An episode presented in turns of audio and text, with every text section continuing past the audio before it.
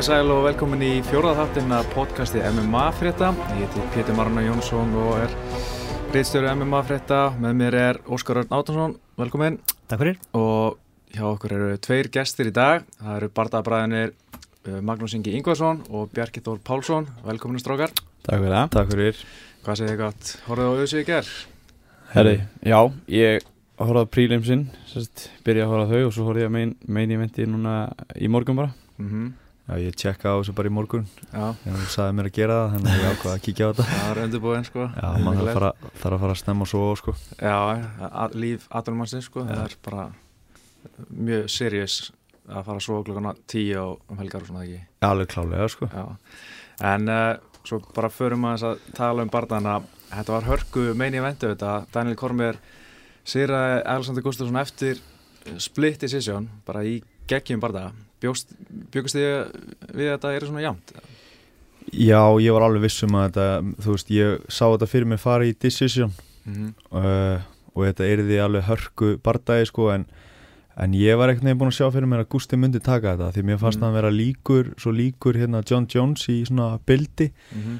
og bara hvernig John Jones fór með Gustafsson, nei með hérna Kormér Já. þannig að já, ég held að, að Gusti myndi taka þetta sko Mm -hmm. Ég sá eiginlega DC taka þetta nokkuð örugt sko. Þannig að ég vanmatt Gustafsson kannski pínu. Já.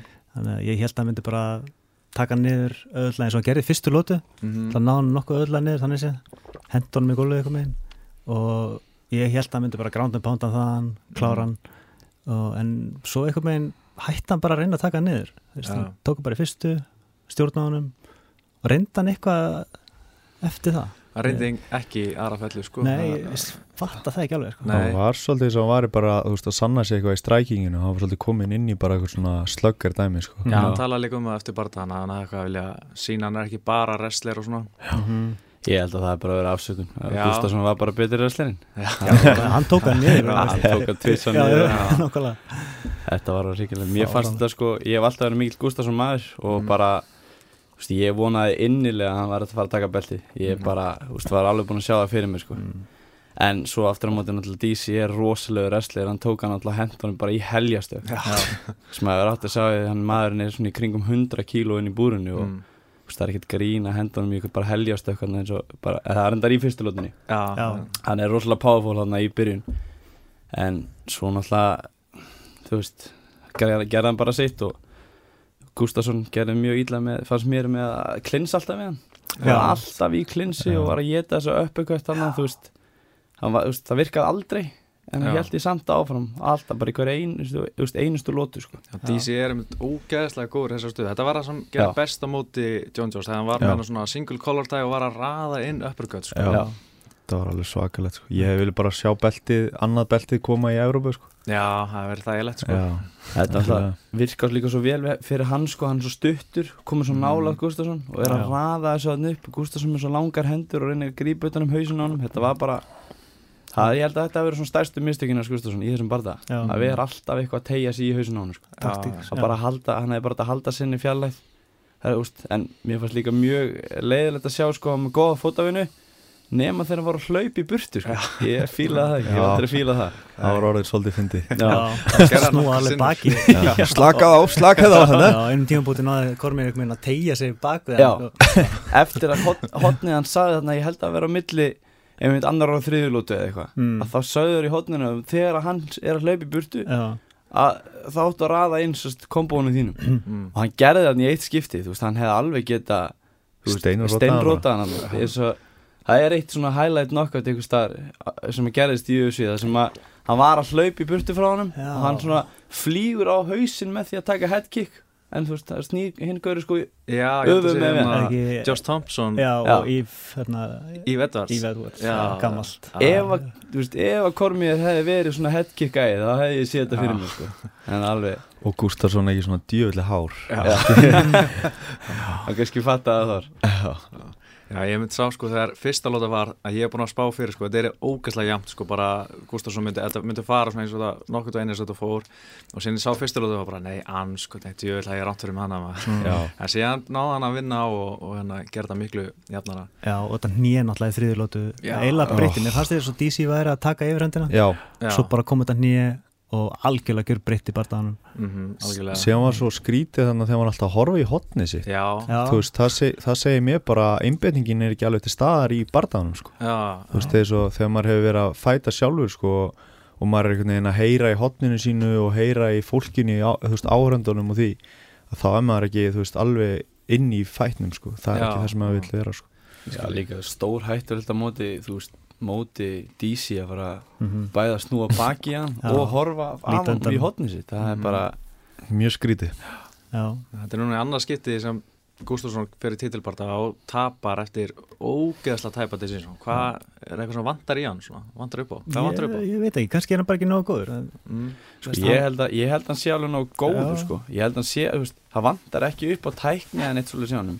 Ég held að það sé bara aðalega, þú veist, það, vant, það er, þú veist, það er mindset í MMA og, þú veist, þetta championship mindset, þú veist, að vera með þetta champion mindset. Ég held að, ég held að það er svolítið vandi í honum, sko. já, Mm Þú veist, eins og Conor, þú veist, þó að hann svona- svolítið svona ykt dæmi um það, þú veist, hann er búin að sjá sig fyrir sig sem champion bara síðan að hann byrjaði, sko. já, Mm.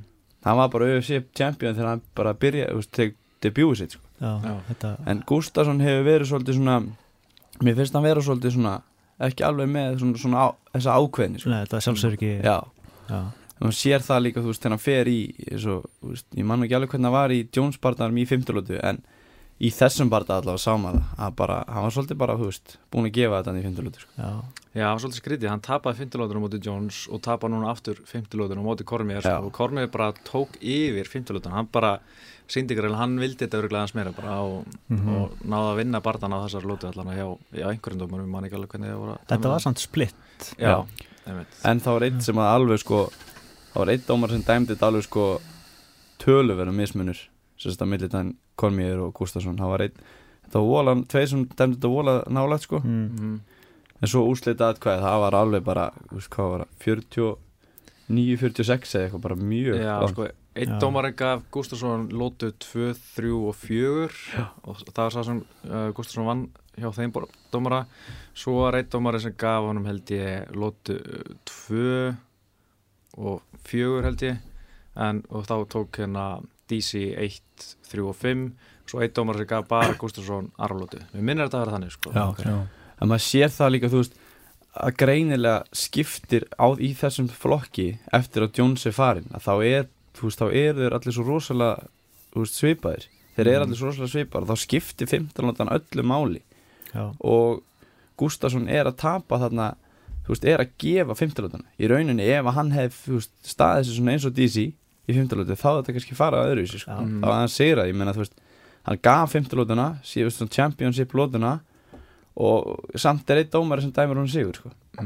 Mhm. þannig að þú veist, maður veit ekki veist, ef hann hefði sett, já, púður í þetta jafnvel í John Jones bardaðanum líka já, seinustu lótuna bara alveg bara, þú veist, pínt sig þetta er náttúrulega ekki djóka Nei, nei vera að berjast þarna í 25 mínútur sko, Nei. en hérna hinn, þessi högg og, já, algjörlega en það er eins og DC að við fengi bara bara ný, ný, bara ný sett af lungu, bara áður en að koma inn í 15 lótuna, það er bara ég það var bara til í allt. Já, bara eins og með hvernig hann var búin að vera sko. Mér fannst hann vera svolítið bara að dala eftir náttúrulega eftir Já. hann fekk með í hausinn og þú veist, búin að vera heilegi að jafna sig sko.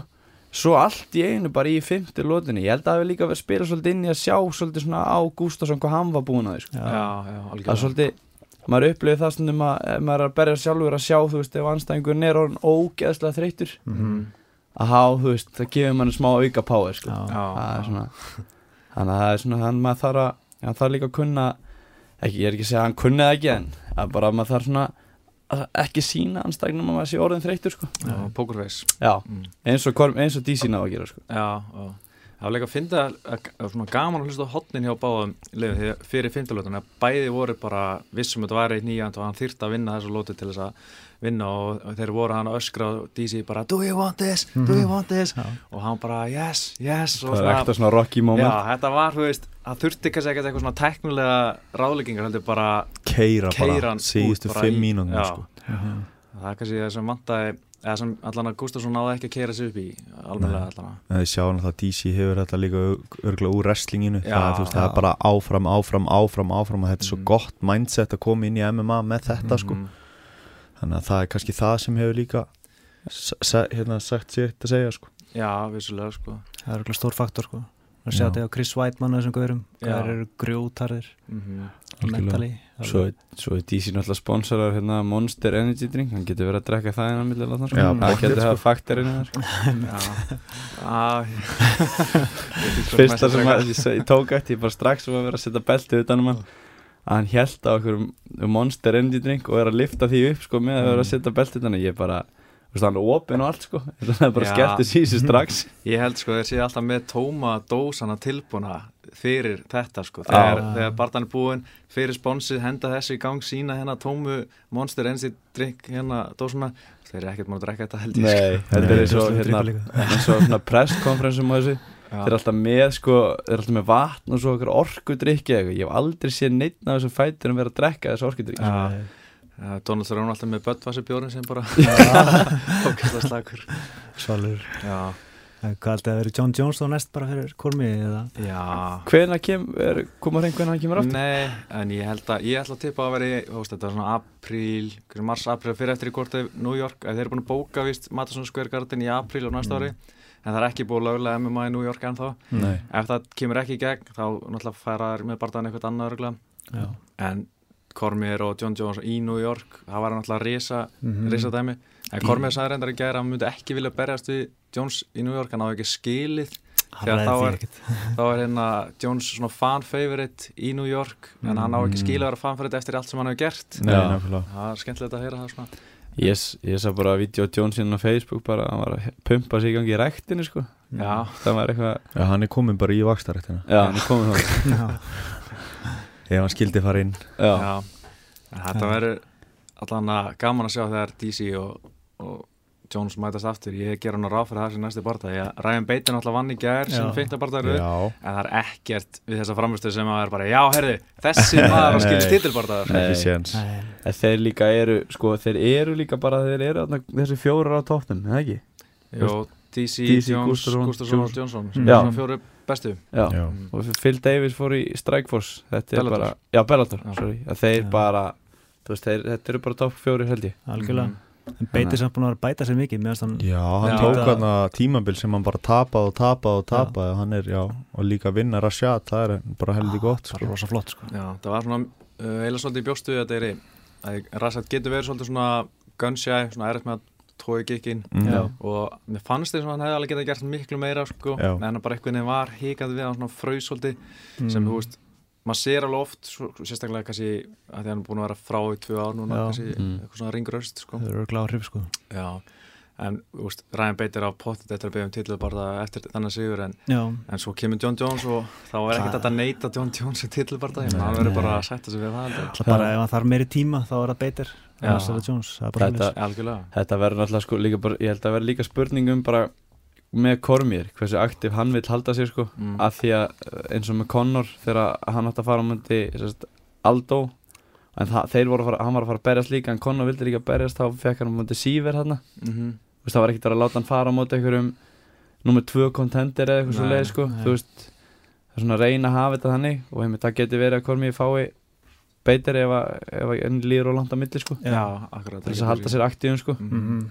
Hann er alltaf orðin 36 ára það er kannski ekkit svakalega mikið eftir. Nei. nákvæmlega Það bara haldur sér gangandi þú veist, það leiðilt að vera að stoppa beltið svona lengi Já, það er ótrúlega og þungavittinni sko. það er, alltaf, var ekkert að gerast þar lengi og svo núna er tala um að verðum er ekki vil ekki berast hann í mars og svo neita hann því eitthvað og Mm. mm. bara, hvað er það að gera?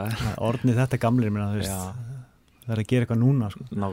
Keira á þetta að reyna að fá eins mikið pening og getur bara einn sko Já, algjörlega sko. Þetta er líka þungavitt að belti er svolítið skopphanda milli manna núna, mann veit ekki en deildin er samt að verða óksla sterk þú veist, þungavættadeildin Mm. er, það er allt svona gamli kallar Já, spurning hvað hann getur verið sterk lengi sko. Já. svona Já. sterk núna algjörlega en þú veist, eftir þrjú ár, ég veit ekki Nei. Mhm. Ég held einmitt að Kane væri að fara að vera bara championin hann sko. Já, Ég vel. bara held að það væri, þú veist, væri dúm hann ég held að hann væri bara að fara að keira hann niður Mhm. Mhm. en svo bara, já, bara gilotínaður og þá bara vissi ég ekkit hvað var í gangi hann Svo náttúrulega getur breytt öllu ef John Jones fer upp í þungavitt Já, Já, Það er alltaf að það væri áhugavert sko. skemmtilegt að sjá það væri svona mjög gaman, sko. ungur, sterkur Já. champion sko. maður var náttúrulega alltaf að vonast eftir því sko, það færi, færi að fá að fara upp í þungavættina Já. Mhm. taka við Kane sko Já, svo fer hann í þetta rugl og verðum tegur belti þannig að veist, það væri sem gaman að sjá hann á móti, sjá hann á móti verðum sko já, Algjörlega. algjörlega En uh, Johnny Hendricks hann átti nú ekkert sérstaklega góða viku. Kregi kallin En bara, John Hendricks, bara hættu þessu skammasteginu, farðu bara upp á milli Já. eða sko bættu, og hann var að bæta lífstil sinni, svo mynda hann um í sumar, hann er bara með bumbu, þetta er bara, Já, fyrir um velt þetta meistarinn, 77 kg meistar, hann er veist, svona 100 kíló, bara, bara feitur. þetta er fáralegt sko. En það er kallað Big Rig. Big Rig? Það er alveg hann er, já, ég, þú veist ég, ég er ekkit rosalega mikið svona, ekkit mjög ánægð með þessi, þessi veitkött, ekki þessi ekstrím sko, Nei, þú veist van, vanalega eru menn að kötta 10 kíló. Mhm, þú veist, og það er bara lítið en fólk, þú veist, venjulega fólki finnst það að vera rosalega mikið sko. Já, Mhm. en það er lítið í þessu sporti sko. við erum að tala um það að maðurinn átti hátti sko 13 kíló eftir á miðvíkudegi, tveimur dögum fyrir. Já, það er náttúrulega fárálegt. þú veist, hann var ennþá hann var, búin, að- hann var komin í gott form hann var Já. komin í alveg mjög solid form og ég held Já. að hann var miklu léttari Já, en hann átti ennþá, þú veist hvað, hann sá ekki fram á að geta köttanir í veldiveit hann var ennþá 5 kílóum yfir sko já, náttúrulega. þú veist, hann var alveg bara, bara rugl, sko. Já. dögum fyrir barða sko. það er ríka Já. Samt finnst mann að hann vera veist, eða of lítill til þess að fara í Shakari og Já, Luke já. Rockhold og og hann þarf bara að taka mataræði sitt í gegn er hann lína. svo slimmast niður bara, Já, veist, já. bara, og ekki gera köttu svona ógæslega með það túkn út á milli Mm. algjörlega sko það er bara, menn, þú veist, er, þegar það eru atvinnum en í íþróttum, þá þarf maður bara að halda sér í formi, það er Mm, alveg. ég meina, fó, ekki eru fótboltamenninir að þú veist, þetta niður í vera spikfeitur á milli leikja, skilur við, menn þurfa að halda sér í formi þó að við séum ekki keppa jafn oft þá þá erum við að æfa alveg mikið og ef ekki meira þá, Mhm. þurfa að menna að halda sér í formi sko. Finnst ykkur um, já, fyrir ekki Alltaf, eins og, eins og Halli er búin að vera að tala um, þú veist, að setja ykkur reglur um þetta ykkur Já. viðmið, kannski með er ekki þingjaði meira en upp í næsta þingdaflokk til dæmis. Já. þegar þú kemur í búrið. Það var já, mér líst rosalega vel að það sko. Já, þetta er bara farið út í al algjöru öfga sko. Mhm. þú veist, mesta sem ég hef heyrt er að þú veist, 90 kíló maður farið nýr í 70 kíló flokk sko. Já, bæti á sig ykkur um 18 kílóm og sólarring sko. Mér finnst ég sko, mér finnst ég vera að kötta mikið þegar ég hérna þú veist, er að missa kannski 7 kíló Mhm. það, þú veist, ég er að bæta á mig 7 kílóum eftir hérna viktun sko Já, þú ert að berjast í 70 kg flokki og ert 77 þegar þú ert að berjast Já. Það er svolítið mikið já. Já, Mhm. mér finnst það mikið sko en Já. þú sér, sér þessa gæja, það er ekkert með við þá og við Nei. erum oft verið að tala um það sko þegar við, áður en við fyrir á viktina sko, nei, hérna sólarhengi áður, þá erum við svona þrem, kannski fjórum kílóum yfir Já, og okkur finnst það mikið sko já, og, en þeir eru að tala um, já, hérna ég er bara 8 kílóum yfir þú veist, á þess Já. nákvæmlega sama tíma og við og þú veist, við bara, hvað eru þeir að gera öðru Já. sem við, það Já. hlýtur að vera eitthvað eitthvað leini trikkarnar þegar maður, bara eins og maður sé að deyja þegar maður er að kvötta þessi fjö, síðustu já. fjögur sko. já, þetta er eins og þegar við fórum hérna, ég, ég Bjarki og Bjarki Bjarki Ómars kom með, hérna, Mm. fórum hérna í oktober í fyrra þá hérna vaknaði ég og Bjarki báði fjóru og hálfu kíló yfir Ó, vikt. Jésús og þetta var versta martröð í Mm. heiminum ég get ekki ímyndað mér hvernig menn taka meira en þetta Já. um morgun þetta bara, þú veist það var ekki neitt eftir í líkamann þannig að úr þetta eru fjögur og hálft kíló sko. Þið líður bara bókstælega eins og sért að deyja sko. já, Svo bara hjartað og er bara búm, búm, Já. búm Ekki með neitt í líkamannum sko. Fáralega þyrstur Já. Þetta er bara ógæðslegt sko. Þetta er svo magna sko. Þetta er, já, fyrir það sem ekki vita þess að Halli Nelson var að tala um sko, hann var, vildi að menn myndi vera viktar á föstudeginum svo aftur á laugadeinum og þá, það skeitir ekki máli hversu þungur þú ert, þú mátt alltaf keppa en þú missir kannski einhver stig eða eitthvað svo leiðis en, en þú mátt ekki ert fyrir ofan sem, sem að vera að keppa velti og þú ert fyrir ofan millivetamörkina 84 kg, þá áttu bara að fara næst upp í millivikt sem ég finnst að vera mjög svona logical sko, þú ert bara of þungur til að keppa í velti þú er bara að fara upp í millivikt og þá myndur örugglega lang flesti vera að fara upp sko. og það meikar alveg mjög sem mér finnst ekki vera nein lausn að hafa sko svona viktun sama dag þegar menn Nei. alltaf að kötta hvort þið er Já. það er ennþá hættulegra. Og svo er það náttúrulega bara hræðilegt fyrir okkur sem áhörundur að maður er búin að spenntur einhverju barða og svo bara kortur í barðan, herru, hann ná ekki vikt Já. bara Já. barðan er off. Mm Mhm. En það var sem- En líka sem á atvinnumenn þá eiga menn bara eins og ég, eins og ég sagði það að þú veist, menn eiga að halda sér í formi þú veist, þeir sem að eru þú þú, það myndu allir hækka upp um flokk Mhm. þú veist, Já. maður myndi fara úr sko, þú veist, þess að við erum að keppa í 70 það var verið að tala um að setja inn þú veist, í kjölfar þessa þú veist, að þau myndu hafa sem sagt, same day weigh-in eða eitthvað svo leiðis Mhm. það myndu bæta inn flokkum hann á milli Já, því það eru sko 7 kílóa munur á flestum flokkun Já. Velter, lightweight og middleweight og hérna, velterweight og allt þetta þetta eru 7 kíló á milli Mhm. þannig að hérna, ef til dæmis myndi bæta á milli 70 kíló og 77 kíló flokksins Mhm. myndi bæta inn 74 Já, eins og er í boxi það Já. er náttúrulega- Mm. e, og svo milli, svo milli hérna, velterweight, svo hérna, middleweight setja inn 80 Mhm. Mhm. þá er þetta strax, þú veist, ég meina það eru það margi fætirar í heiminum og ég meina þú veist, það eru hátt í sko 80 manns eða eitthvað í velterweight divisioninu í Mm. UFC Algjörlega, Það væri nú lightweight- alveg- lightweight og welterweight Já. eru stærstu flokkanir það væri nú Það er alveg líka hægt flestir að kallmenn á þessu þingdabili þetta er svona average þetta er svona Mhm. average maðurinn sko. og Og- fyrir mig, þú veist þess að ég hugsa að fyrir mig þá er sko veltriveit, þá er ég aðeins og léttur fyrir það Mhm. en aðeins og þungur fyrir lightweight sko. þarna eitthvað á milli fyrir mig það var alveg indislegt sko. Já, örgulega margir í þeim spórum já, algjörlega sko. algjörlega sko. Já, nákvæmlega, og svo sama með hérna, menna sem eru á veltuveit og middleveit mörkunum sko. Mm. Mhm. að 80 kíló eru fullkomum fyrir það sko. Það er líka rosa átt bil milli middleweight og Já. það er 20 pund sko, það Já. er eitthvað næstu 10 kíló sko. já, það er eitthvað er 84 já 93 kíló, það er 9 kíló munur það er svolítið mikið sko. svakalegt sko. Já. en ég maður líka að Hallen tala um sko, Zach Cummings, að hann var að berjast að gunna hann var 207 pund, það er Já. light heavyweight Já. 205, það var heavyweight Já. Ég, ég hef ekki skilið þetta mér finnst langt best allavega persónulega fyrir mig að ég vil helst vera svona veist, ég fennir 70 en ég vil vera svona 75 og hálft 76 til þess að vera sem snegstur sko. Mm. Já. ég vil ekki vera að ná mér upp í ykkur 80 kíló og vera bara, þó, þó maður verður náttúrulega með þung högg kannski en þú veist það er, það, það, þú ert ekki með þetta útall Nei, finnið þið fyrir núna, hvað, hvað, hvað það, hvað, 5-7 kíló eitthvað þarna þegar að berjast á laugunum daginn eftir viktunni, finnið þið fyrir svona, þeir eru svona slöggis eitthvað þannig? Já, já, þú maður finnur fyrir að, að hérna, maður verður aðeins svona þreyttari fyrr. Já, það er bara vökaskorturinn sko. mm, ég hef fundið mismun með bara hverju kötti sko, hversu vel kötti gengur. Mm, og ég náttúrulega hef ekki farið allar lótunar í MMA hinga til, Mm. en jú, í, í fyrsta barndanum mínum. En það er náttúrulega köttaði ég ekki neitt. Og ég var bara mjög ógeðslega þreyttur samt. Þannig að, Mm. en þetta er náttúrulega eins og ég, þetta er rosaleg þetta er rosalegt úttalt sem að krefst í þessar íþrótt. Mm, þannig að það er lang heilbriðast að reyna bara að gera svipa og Gunni er að gera. Þú veist, hann rétt stekkur í bað fyrir viktunni í mm, hálftíma og það var hann góður. Já. algjörlega. Þú veist, ég held að það sé lang þú veist, skinsanlegast sko. En Conor, hann næstu dreipur sig já, Já, Conor alltaf bara orðin eins og E.T. bara þegar Já. hann er upp á, fer upp á viktunum sko. Þetta getur ekki verið helbriðt sko. alls ekki sko alls ekki, þetta fer ótrúlega illa með líka mann sko. Já, og ég man að Jim Miller talaði um hann viðkynna að þetta er að taka einhver ára af, af æfi hans úst, þetta, þetta kött og hann er að kötta í lætveit og hann er ekkert eitthvað svaklega stór. Nei. hann var alltaf að wrestler held ég eitthvað eitthvað sko já, Þetta er alltaf það sem við erum að sjá með Hendrik sko. já, Orðin hvað 30 og hvað tekja þryggja meira. Já, eitthvað Já, búin að vera að kötta í mörg ár og nú Mm. bara líka með segja bara stopp. Þetta er ekki hægt lengur. þeir eru alltaf að gera þetta í wrestlinginu sko og yfir mjög langa tíma yfir sísunaði sem er einhverja marga vikur hver einustu helgi sko. Og þá er vikta bara rétt að hann stíu viktina þannig að menn er að keira einhverja rútuferði hérna þvertiði bandreikin mm.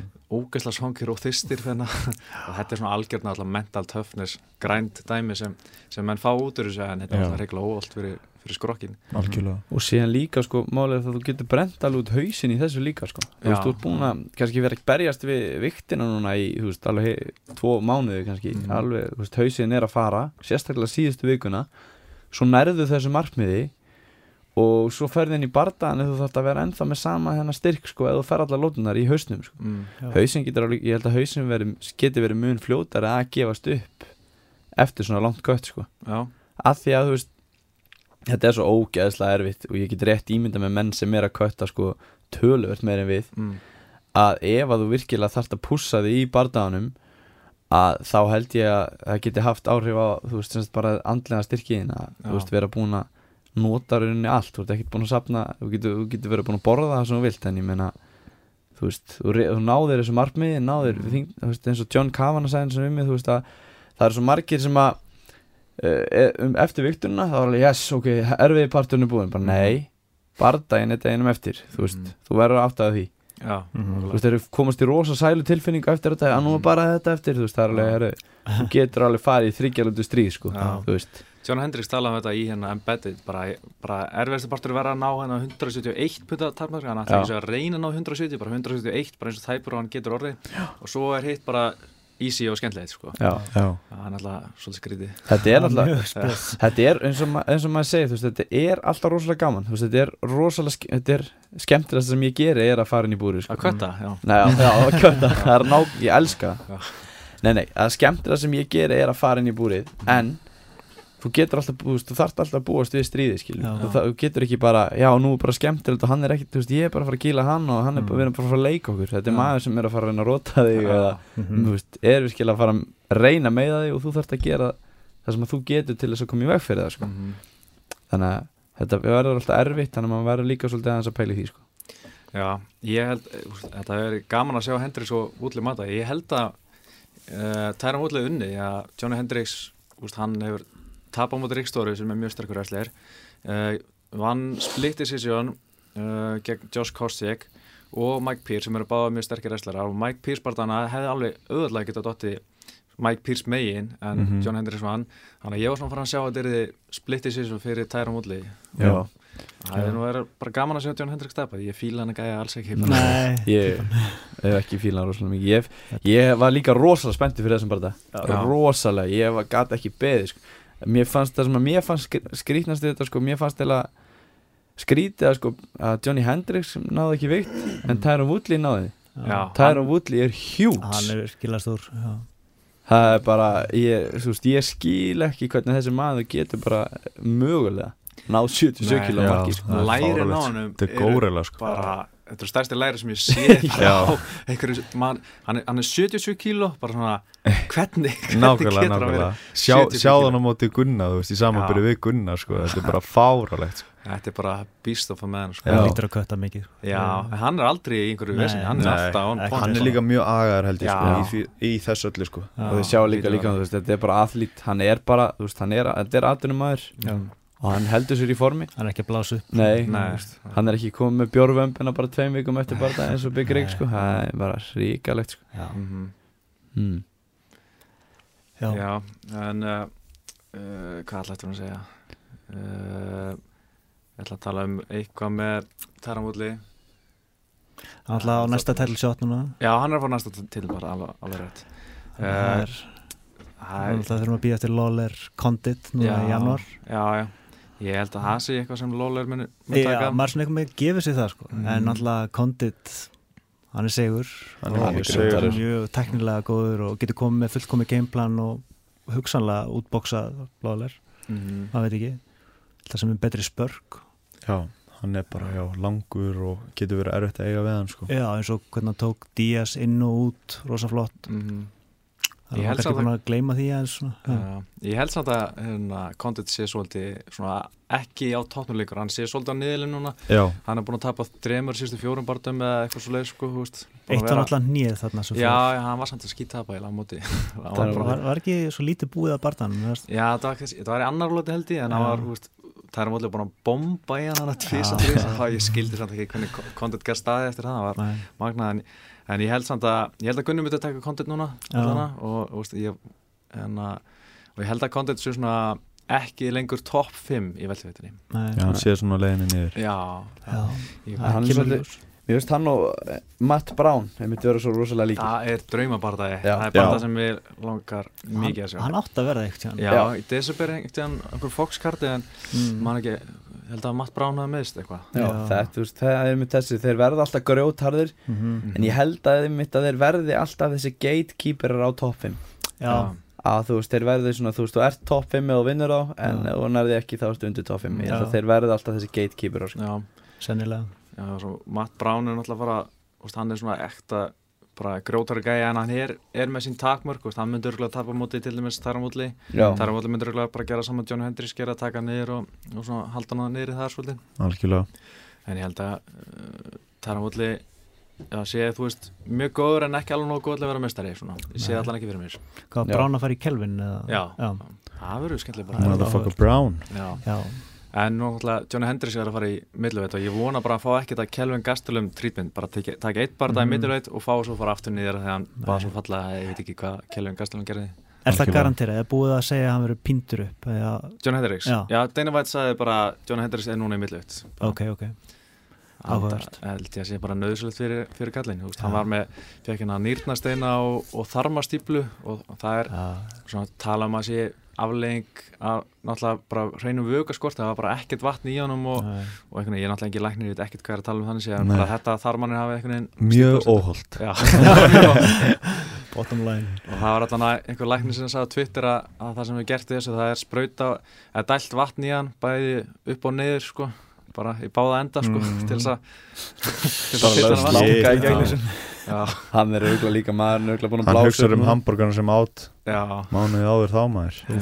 Fá eitthvað upp í raskatið alveg. En maður, en maður sér það líka, þú veist, hann fer upp í middleveit en bara spurning bara hvort hann nái því, ég meina hann var, hann, gæti, hann var ennþá 5 kílóum núna yfir Já, þá borðar hann líka bara meira. Já, það að fara um upp í eitthvað. Já, ég er komin upp í millivikt maður. Ég má bara geta meira. Já, Það verður kannski svo Anthony Johnson. Já. Ég held að hann væri drullu sólið bara í hefuveit Ég, hann vantar eitthvað nýjan hann í hefuveit Nýji Rói Nelson. Já.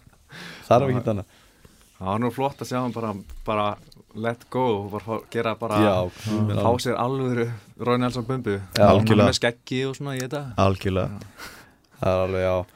Ríkald að sjá manni svona þegar hann er að kvötta Sérstaklega þegar hann stígur upp á viktina Hann alveg skelfur og svoleiðis getur ekki með puttan að kjura Og alveg bara, Já, maður er bara, veist Mhm. Þetta getur ekki verið, heil, maður getur ekki lifa lengur lífi allavega ekki eftir fyrirlega hann ætlar að halda þessu áfram sko. nei, þetta er ekki hóð Stitti líka bara félin hjá hann sko. Já, Þetta verður gert eitthvað í þessu eða? Í, Í þessu þýndar dæmi, já. Er þetta búið að vera lengi, sko. Já.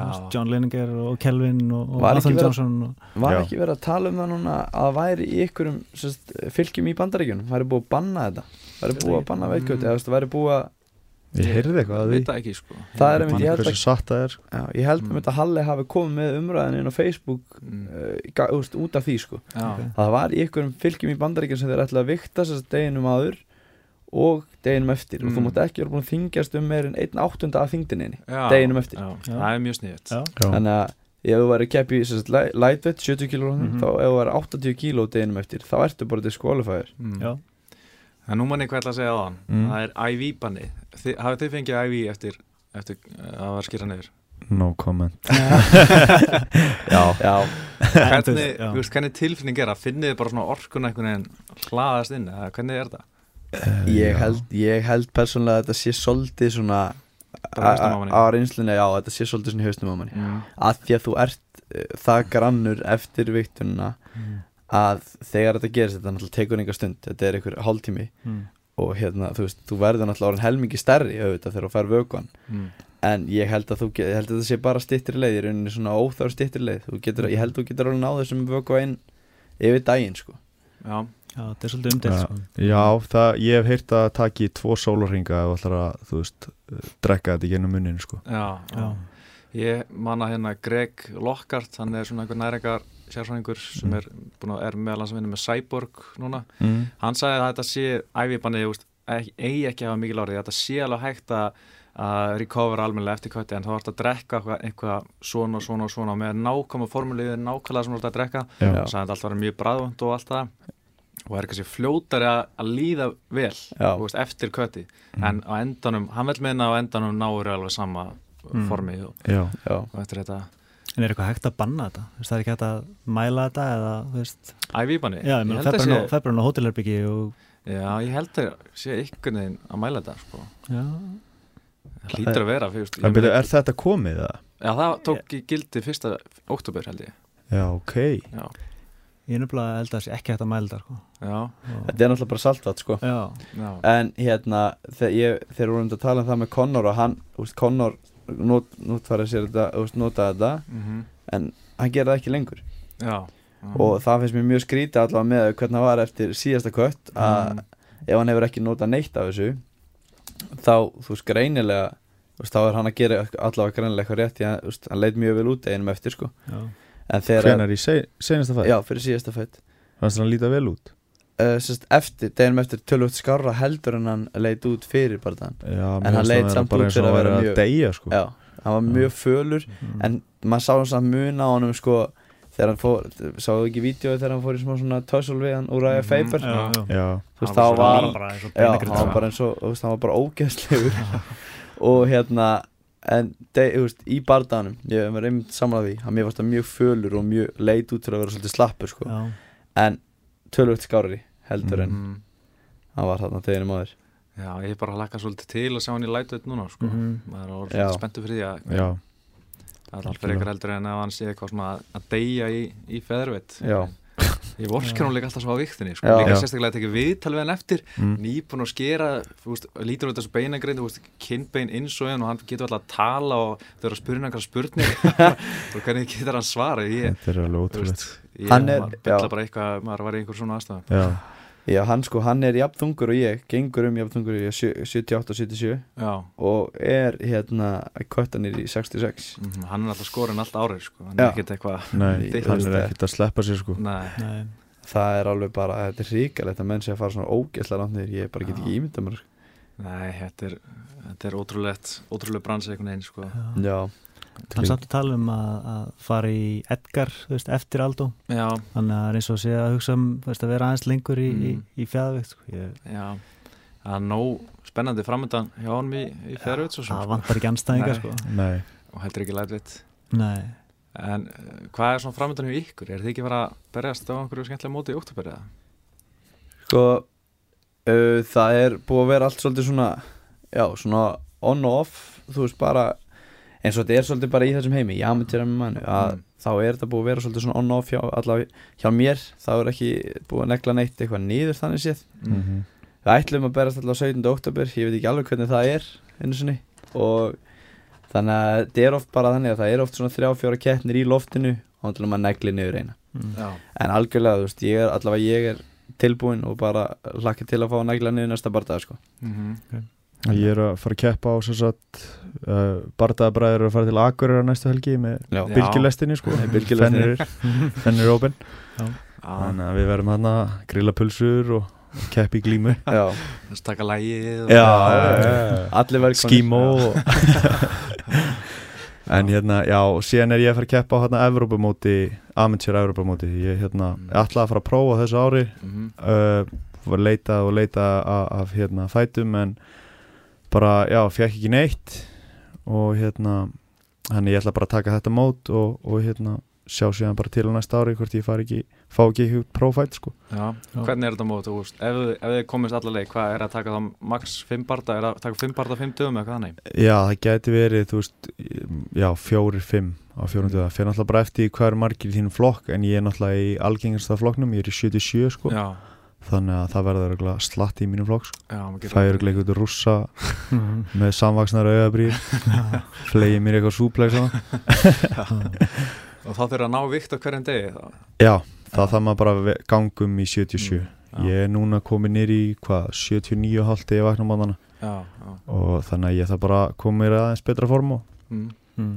aðeins strangur á mataræðinu, maður er alveg ennþá að lega sér smá þannig að þetta ætti ekki að vera neitt mál sko. Nei, skilji, ok Ef Johnny Hendricks var í þessu þá þetta hann að vera í hefut Já, Já, nákvæmlega. Það er okkur þetta það væri nú eitthvað. Mm. Þetta veist er svolítið vandamál bara svona almennt að, að finna anstæðing af hverju er það þetta Nei, ég, ég sko ég veit ekki, þú veist, eins og núna þess að 17. oktober sko hann fekk hérna einhvern amateur gæja sko mm. ég var að leita profile sko og það var, þú veist, hann, ég veit ekki hvað eru margir bardagar á þessu kvöldi sko Já. síðan þegar ég spjallaði við hann aftur sko þá var allt í náttúrulega rosa erfitt að, að hérna, finna einhvern einhvern, einhvern profile sko þannig að Já. ég held bara að þú veist hverja þeir eru að setja í forgang sko mm. Við viljum alltaf kannski svolítið fá, fá heimamenn því að þeir selja miða, já. já, það er vandamáli sko Já, ok Ég held að það er líka það hérna að menn þarna úti, þetta er náttúrulega svo þetta er svo rosalega auðvelt fyrir þá að fá bardaðan úti Mhm. Þú veist, ef við, ef við byggjum út í Englandi þá verðum við mögulega búin að berjast alveg þetta hátt í tvís og til þrís og sinnum oftar sko. Já. en fyrir okkur þá þurfum við að fljúa út og við þurfum að þú veist, fá, finna okkur hótel og Öll þjóðin að fylgjast með Já, maður, það er ekki alveg smá sko- pressa sko, Já. þú veist, þetta er það alveg er alveg bara það má ekki það er bara ekki sjens en þeim, Þeir eru þeim bara- bara, það er bara svona nánustu vinir og svona sem ég vita að er að fara að keppa Já. þetta er svona þetta er svona aðeins öðruvísi hérna, fyrir okkur hérna heima, fyrir heldur en fyrir þá þetta er bara eins og fyrir þá að skreppa á Selfoss og taka eitt barda og fara svo heim sko. Mhm. og ef þeir vil, að, og þeir fá að ráða sko, fullt af mótum hann í Englandi hver einustu helgi, Mhm. ef að þeir ef að þeir fengi að ráða bara annarkvæmt farið hérna grjótaran Íslending hérna þessa helgi eða þú farið hérna bara, er bara eitthvað gaur hérna William. já, eitthvað William hérna Já. hann er hérna næstu helgi, Þetta- hvort, hvort viltu Já, það er bara, já ok, ég sleppi þessum Íslandíkina ég ætla frekar að keppa næstu helgi og bara taka easy fight og bara Já. fara heim Já. þú veist, Já. það ég held að það ég, allavega með við svona prodúsuna sem maður er að tala við að núti að það eru rosalega mikið að lendi þessu algengast, mjög algengur hérna, algengur gallega að núti er það þeir segja já við að taka börnum og þeir eru að hæpa alveg rosalega upp og Mhm. sett, þú veist, þá fá þau sko mynda sér á plaggutin út um allan bæ. Já, já. Um leið og eru konar upp á plaggutin þá meðast þeir. Já, þá þarf að fara að finna nýjan anstæðing það er búið að gera plaggutin þannig að það er ekkert verið að fara að breyta neinu sko. Já. Það er mjög sniðið, bara að fá flotta mynda er plaggat og setja á Facebook og allir bara djöfus fætir þessi og og. Ríkalegu fætir. Svo berst hann aldrei. Já. Já, það er gaman að þessu Verður við ekki bara að fara að halda kvöld hérna á Íslandi? það er bara lögutarsvöllin bara Já, Já, ég segi það bara að fara við förum að taka nokkra próf og svo fáum við UFC hérna til að taka eitthvað Mhm. taka allavega eitt kartin heim sem Gunni verður á main card, nei main Mhm. og Það er alltaf draumur sko. Já. við verðum að debut á því hann verður bara að passa sig að vera ekki meistari þá sko, það er erfitt sko Já, það er svolítið erfitt. bönnum honum Já, bara ekki, ekki vinna hennar Já, ekki gera eitt besta, alltaf. Hans Nei. og nægan tíma hana. Já, en uh, náttúrulega Gunnar er að fara að berjast í Desibur Hvernig sjáu ég Mæja Gunnar bara að fara? Eh, Maður trúi náttúrulega alltaf á sinn mann sko. Já, ég, þú veist ég, drauminu væri bara að sjá hans upp mitt að mæja en þú veist, það er alltaf mjög mjög, sem sagt, eh, mikið farið fram á manni þá en, Mér langar bara að sjá það að fara í gólfið sko. Já. Það er bara shit sko. Ég er spenntasti fyrir því. Já. En ég, ég sé þetta alveg fyrir mér fara að svipa bara og síðasti bardaði hjá Gunna ég, þú veist, ávar alveg reynskilin Þetta Mhm. gæti verið að hann eftir að skjó, þú veist Ég held til dæmis að Gunni ekki eftir að klikka því að Gunna á pott eftir að skjóta í fyrsta teiktunni Mm. Ég er alveg 100% af því En ég sé þetta líka alveg fyrir mér að eins og Gunni er búin að bæta sér svo fárlega mikið í strækinginu Ég sé hann alveg fyrir mér kýla mæja niður og Mhm. Já.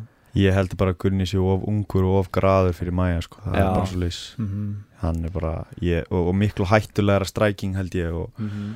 og, og síðan bara örgulega mjög svipaður í jörðinni Já Þannig að- að ég held, já, segi Gunni allan tíman sko Mhm. Það sem er nú líka MMA Þetta er ekki, þetta er nú ekki, þetta er ekki Þetta er ekki gí sko. jiu-jitsu sko. Þannig að- Ég hef búin að segja ári, ég held að Mæja myndur örugglega vinna í svona pjúra gí Júitsu Já, Mhm. mats sko En Gunnar náttúrulega er betri í Nóki og svona búin að æfa það meira Þannig að ég held að myndur örugglega vinna Nóki eða geta alveg Nóki bara glímu en, en í MMA glímu, glímu er náttúrulega sérstaklega hættulegur Já, þeir voru alltaf, hann og Jón Vegar alltaf að pæla þegar voru að glíma fyrst að þú veist, pæla í höggunum líka í leiðinni og voru Mm. æfingar tækni þetta var ekki bara pjúra eitthvað jiu-jitsu, Já. gi, dæmi já. Nei. sjáu líka bara þegar Gunni endar í máttu og nákværum og olbóðar hann Mhm. mm. olbóðarnir sem þeir fá að geta sko, ég bara get ekki ímynda með eitthvað svo þetta er. Kemst ekki undan þessu maður Eins og- allu þungin á bakvið þetta Já. og bara þú veist, hann svona syndir svona yfir hendunar Mm. notfæri sér það að þeir grípi hendunar á hann Mm þú veist, þetta er alveg rík bara að geta nokkra svona, ég held að, að láta, þú veist, menn geti alveg gefist öll upp á því sko Já. Já, maður sér einmitt að Gunni nær mánt þá var hann á Olbo en það er Mæja nær mánt þá var hann stundur bara að klára lútan þarna og fer svo bara mánt aftur í næstu lúti eins og mútið Ryan LaFlair Já. tók hann hann að fimm lúti til það var komin í mánt mjög oft og Já. var samt bara svona, svona hann vildi ekki meiða nokkuð, hann svona næs gæi já, Ég fannst. Gunni reyndar svolítið vera þannig til þess að byrja með Já, þegar hann kom inn í. UFC og mér Já. finnst hann orðið svona hann er orðin aðeins grimmari núna sko. Já, Já. Mhm.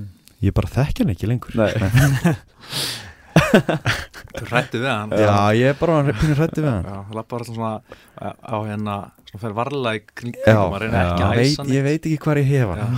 hann Gunnar minn Þetta verður úgeðslega gaman að fylgjast með svona í desember maður. Ég get ekki beðið við. þetta er bara drauma barndaginn sko. Maður er sem búin að býða eftir þessu síðan að Gunni komst inn í þessu maður Já. er ekki að vera bara að býða eftir þessum bara Mm, Þetta er svona einn af þessum topp þremur sem er búin að býða Já. en svo má maður ekki jinxa þetta Nei. að Nei. þetta, þetta kart er bara draumurinn þannig að Já, vá, ég- það er vonandi að það haldist Já, Við fórum alltaf að tala um þetta krossleggur maður svo ángis maður svona býst alltaf við einhverjum einasta degi að heyra eitthvað um eitthvað næm sko. Já. Já, líka hérna Sjakar er að fara á móti honum hérna, Soldier of God. Og já. það er sjúkt. Það er svo bara ræða með svolítið hvað alltaf eftir hvert einasta barða He bad. I'm so sorry. Já. I love you say Það er bara kostulegt þannig að síðast náttúrulega þegar hann oh. kláraði maður síta og daginn eftir að hérna, hjónaband samkynnaðara var leift Já. og eitthvað USA, why you forget? Why you forget Jesus? Já, vá. Veitum við, hvað er hann að segja Já. Já. Svo afsaka hann sig eitthvað með þetta um Hann, amerska hann draumin við, við kendi ekki að hann sa- verið að tala um þetta sko. Alls ekki sko. Umbóðsmaður hann hefur bara Jól minn, þetta er ekki sniðut eftir á. Why? Why you bad? Hann er náttúrulega eins og bara risastólt smábann hann er Já. bara, það er alveg fáralegt náttúrulega hjálpar ekki að hann er ekkert brjálaslega góður í ennsku hann geti verið sko, eins og heimsbyggingur á, á spænsku en bara í ennskunni þá hljómar ekkert svakalega Káðaður sko. Nei, Þetta er samt betri en ekkert, við erum allavega að tala um hann út af þessu.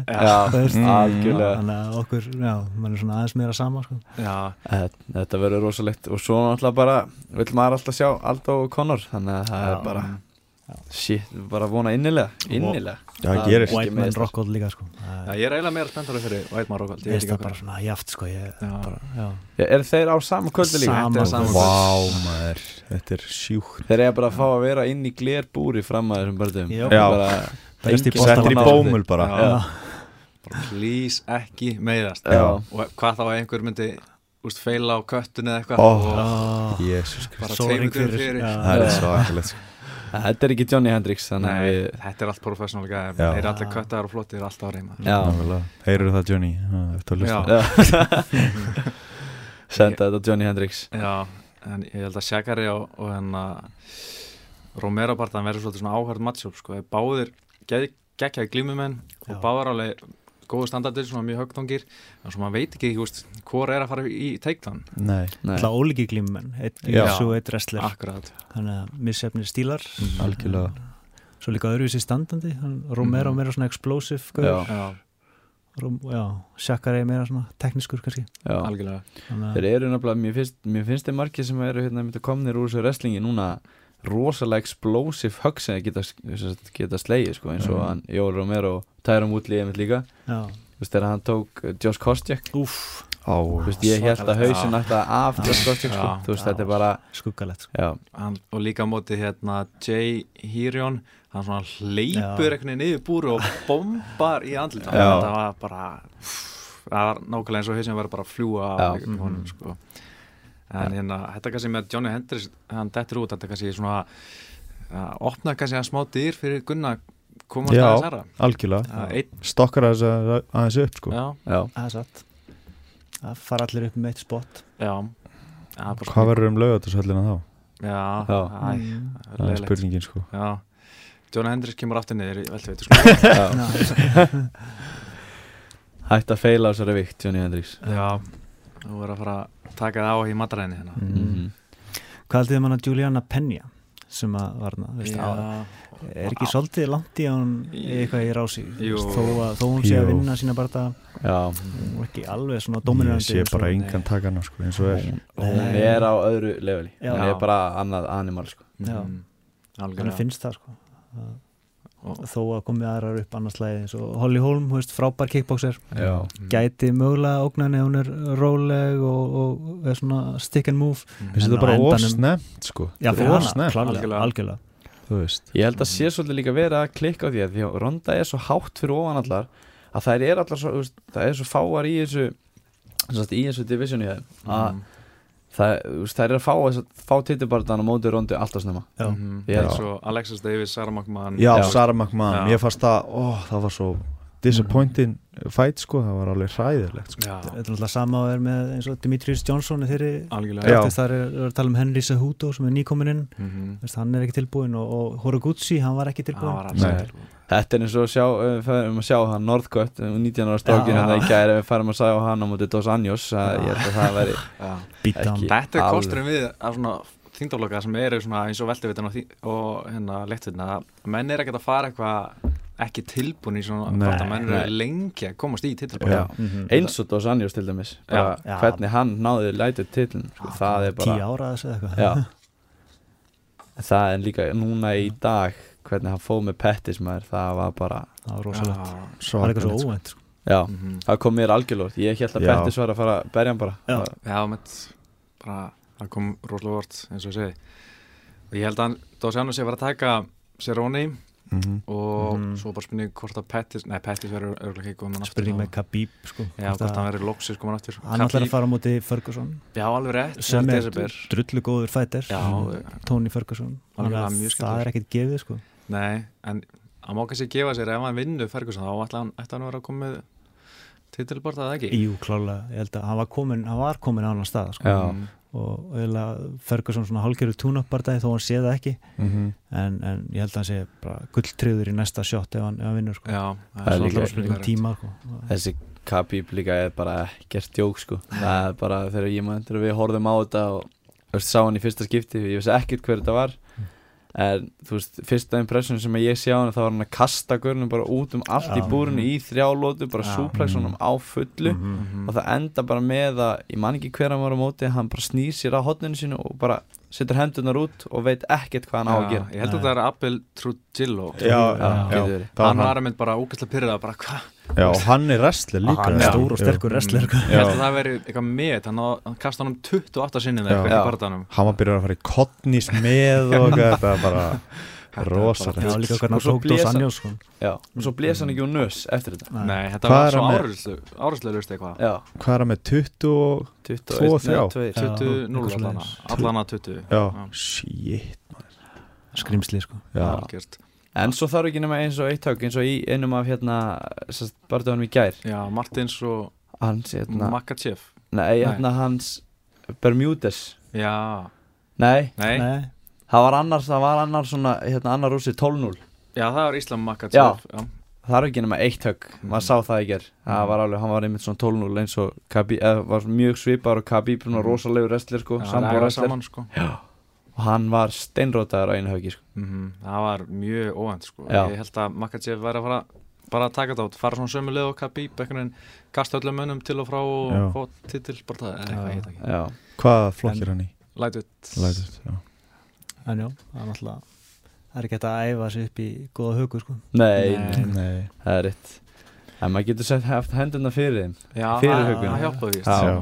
það vantar alveg hjá í ger En þið sáum vantilega hann að Seis Norskot ekki er já, Þetta er einhver strákur sem var bara búin til einhverjum verksmiðu hjá UFC fyrir Já. 90 ára árum og bara erðabreittur maður og hann er bara loksins. Loxis mættur. Hann hann er tilbúin mm. Horfðu hann að þátt hann með Dana. Já, Já, það var svolítið kjánalegt sko. ég, ég bjóst eiginlega ekki við að kæmi neitt út úr þessu sko. nei bara þeir eitthvað Já, að þótast um að, að Já, að já, þó- já. þóttunni og horfa okkur á barda Mhm. finna þér stjörnu í fyrsta þætti Ég held að ég haf alveg vita hvað, hver þessi gæði var Ég- er sko. það ekki? Það virkaði óðalegt sett Það var ekki bara að planta hann um aðna og, veist, þeir vissi að hann var að berast hana Já. Svona kíkið þanga, þú veist já, og síðan þetta típiska Við vorum að tala um, við tala illum hann fyrir fætin, við Já. gáum honum ekki sén sko, Mhm. hann alveg sannaði sig bara hrikalega, this guy can fight Já, eða eitthvað svona skilur, þetta er Já. alveg þetta var svolítið típist sko mm. já en maður vona bara að hann er ungur og maður vona bara Mhm. að fyrirlina hans verði lengri frekar en stittri Já. hann verði ekki bara búin að toppa 22 ára og Já, er, er það kannski slemt fyrir hann að vera komin í UFC 19 ára, veist, er það of mikil pressa, veist, er betra að vera í nokkur ár í Ah, það fer alveg eftir í hver þetta er sko. Já, hvernig hann tekur því sko. Já, sko, alltaf eins og með hann hérna John Jones, Já. hann kemur Já, mjög já. ungur og þau sjá hvernig fór fyrir honum mm. þannig að mjög ég illa, hann kerið á konu ófríska konu er alltaf UFC þarf að byggja hann upp kannski Já. með réttum hættir sko. Já. Þeir munu örgulega taka, svona, taka róli að að byggja hann upp sko. Það nema ekki. sé bara að rústa öllum bara eins og John. Jones var að gera þá held ég að veri bara hann- John Jones tók hvað hva marga barða á ára tók svona sex barða held ég ára hann fekk Mm. tilli barða ég var nú googlaði bara En allavega, ég, veist, mér sýnist það allavega með hvernig anstæðingan fekk í gerð Mhm. Þú veist, ég, þú sást það bara á þeim bara Já. þegar þeir löpuðu inn, bara hver var að fara að vinna þennan bara Mhm. En Jones var alveg að fá eitthvað erfið, hann fekk alveg Matt Hamill ekki og svo húsverðin, hvað hann heitir. Matvisenko Já. Já, já, já, já. John Jones alveg hafði fyrir þessu sko. Og Stephen Bonner ekki? Mm. Jú, í öðru barða Nei, öðrum barðan, það er ekkert að Það er reynslan þar sko. Já, klálega sko. Já, hann var 7-0 en 6-1 en alltaf tapaði hennar fyrir Hamel. Hamel hennar Já. 6-1, 7-0 já, en Já. það var effekt til Svo mjög skrítið að þú sért atvinnumæður í MMA og komin í UFC og vitir ekki að 12-6 olbúar eru bannaðir. Já, Já, og líka mjög skrítið hann dómarinn hann að var að segja við hann- hinn heyrnulasa Matt Hamel eitthvað. Hann var að spurja hann að einhver are you okay, are you okay? Hann heyrir ekki neitt. Nei. það var mjög skrítið, allt mjög skrítið við það Já, Já, Mjög glimt í Já, já, svo sem Æ, gerir þér bestu bæum uh, Þið, strákar, þið eru að uh, að hvað er búin að marga bara bata? Þú ég er búin með 6 Já, ég er búin með sjö. Sjö. Og eh, hvað ja, þið ætluðu náttúrulega að berjast eitthvað meira þessu ári en þið hafi, hvernig bara berjast áttu síðast?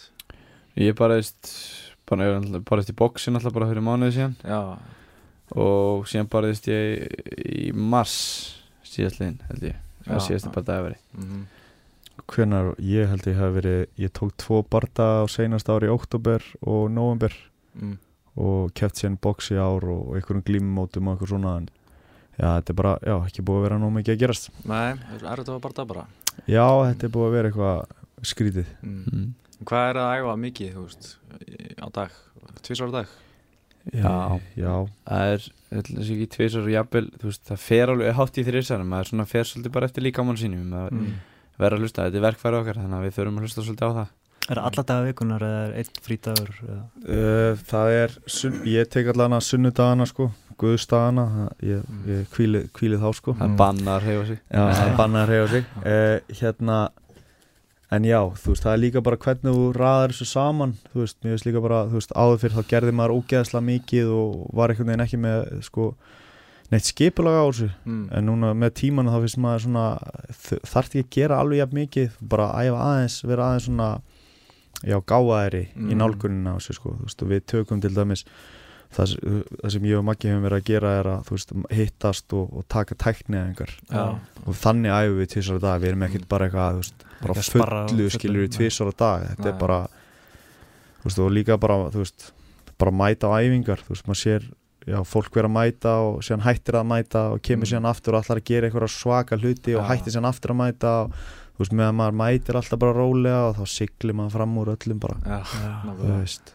algjörlega, ja, það er, já, það er sagði nákvæmlega ég, nákvæmlega sem pælingar hjá mér. Ég er bara, úst, við, reynum, við æfum alltaf mjög mikið saman Mhm. og erum líka mjög, sem er mjög gott að við erum söm, sömu þyngd Já, og við fáum mikið miðhundla hvern annan með það veist, vitum við bara nákvæmlega hvernig það er.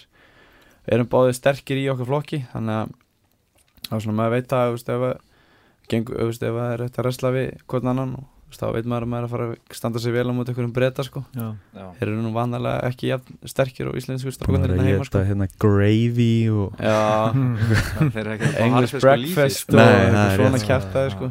en neini, já, maður reynir bara maður verður bara að hafa regla á þessu eins og öllur það er bara, þú veist, svefnin og æfingar þetta skiptir öll, allt máli, maður þarf að hafa reglur út í náðu líka bara, þú veist ekki vera að gera það sama og hinir sko. Nei, þú veist, hvað, þú veist, ef þú ert alltaf bara að mæta á þessar hópaæðingar og, og þú veist, þá verður þú bara eins og allir hinnir já, og þú veist, það er alltaf, þú veist, eins og við erum með þú veist, í enga tímum hjá hérna, wrestler hérna rúsnenskum og, og hérna þú veist, við erum að gera alls konar svona sniðaðu hluti og við erum alltaf verið að drilla mikið og Mm, þú veist, já. fyrstu tvö árin, þú veist, þá var maður bara að drilla með átna Ísaksinni, já, þú veist, við vorum bara að drilla með honum, þú veist, þrísar í viku, hálftíma fyrir æfingu, þú Mm. veist, og enda er maður með ótrúlega gott wrestling í dag, skilja, Já. þannig að já. við reynum að fara svolítið svona okkar eiginleið við reynum ekkert að, reynum ekkert að svona copycat af einhverjum öðrum. Við erum að æfa með einhverju rússa núna? Já, já, konum Ígor. Já, hann, yes. hann er svoleiðis að kenna okkur að bókstaflega taka menn upp á Two aðhæð second floor. Bókstaflega. Það er alveg hann er að Það er suplex gæði sko Já, ok hann er Og Já. einmitt svona svipað og þessir hérna, Khabib og þessi görur að gera Já. það er, veist, það er rosa gott að- það sem hann er, hann er það náttúrulega virkar ekki allt inn í MMA sem, hann, er, Mhm. sem hann hann er að sína okkur en sumir hlutir eru alveg bara að opna nýtt game fyrir manni sko. Já, Já, þannig að því fara, fara að sjá við erum að fyrir að kasta mönnum út í Já. það er allan á planinu að fara að læra suplexi sko já Það er alltaf gaman að sjá fallet suplex Já, algjörlega sko það getur líka slegið mann alveg út af læ- læginu að vera suplexa sko. Já, ég trúi því sko að lenda á hausnum eða eitthvað stað þú veist, það getur alveg Það er ekkert Er spes það er ekkert Það Ég vil er- vera frekar sá maður sem súplexar heldur en að Mm. vera súplexar því að Já. það er alveg ríkalegt sko. Mm. Algjörlega. Er þið mikið eitthvað svona sko YouTube miðböta einhverjum teknæðingum með eitthvað og horfa og taka það eða Sko ég, að, úst, persónulega ég gera það ekki mikið Ég sé það stundum bara svona á Facebook ef kemur eitthvað upp En mm. jú, ef ég lendi í vandræðum ykkur staðar Mm. Þá er ég meira í því að spyrja þjálfarana Að spyrja, þú veist, ef ég lendi í vandræðum hérna Þá, úst, vil ég spyrja þá frekar En ef ég lendi, úst, ef, ég, ef ég mikið að pæla í einhvern hlutum Mm. Úst, þessu, Sérstaklega með klímuna sko Mikið að pæla í einhverju stöðum Þá fer, hef ég alveg kíkt inn á YouTube til þess að svona skoða hvað er þetta að gera á mismöndu stöðum og hvernig er þetta að verjast og, en ég reyna að hafa svona í lámarki því að þú veist oftast oft er það líka bara þannig að þessir menn eru bara maður vil hafa svona legit góra Já, ef þetta er Demi Maja eða eitthvað Já. ja. svona, ok, ok, þetta er rétt, þetta getur rétt. En mér ég líka bara að læra mikið af því að, að einmitt, já, að horfa þú veist, á fólk vera að klíma ég, þú veist, ég læri mjög mikið af því sko, þannig að mér finnst alveg gott þú veist, mér finnst alveg her, mér finnst ekki alveg mest spennandi í heimi að, að horfa menn vera að klíma, þú veist, í gí sko, en, en mér finnst ég læra rosa mikið af því, bara já, hann setur hendina þarna eða þú veist, lappirna þarna. Þannig að mér, ég læri rosalega mikið bara að horfa sko, já. þannig að mér finnst það gott. Þegar maður er að byrja í þessu sko, þá var maður ofta að horfa okkur YouTube miðböt mér er bara algjör drasl sko. Já, bara, var, Ég var að horfa okkur vídeo um daginn sem bara ég trú ekki að úst, það var með alveg fullt af úst, þúsund views, þúsund og eitthvað mörg þúsund views. Og ég trúði ekki að það var svo mikið drasl sem var að kenna sko. algjörlega, þannig að þú getur verið að lenda á ykkur svoleiðis mm. og líka bara þú veist, þess að þú ert að byrja kannski glímu Já, að þá, þú veist, ég, man, ma, ég með einn í þjálfun sko, þú veist, að vera mann, hva, hvernig gerir þetta eitthvað? Helikopter, gard, eitthvað skilur við, þú veist, maður þarf bara að læra basicin, sko, þú veist, maður vill alltaf læra þetta fancy shit þegar maður er að byrja, sko, Já, en þú veist, það er svo gott að hafa bara sterk basic þegar maður er að byrja, sko. Það er svona maður að fara að vinna meira með þú veist, eins og eitthvað svona helikopter eitthvað flying arbar, eitthvað dæmi. Þú getur fara að leika með það þegar þú ert komin yfir ákveði level. Þegar þú ert komin með basicin og svona þá getur aðeins fara að leika þér með þetta. En þú veist, nummer 1, 2, 3 held ég að sé bara Mm. þú veist, ver, verka mest á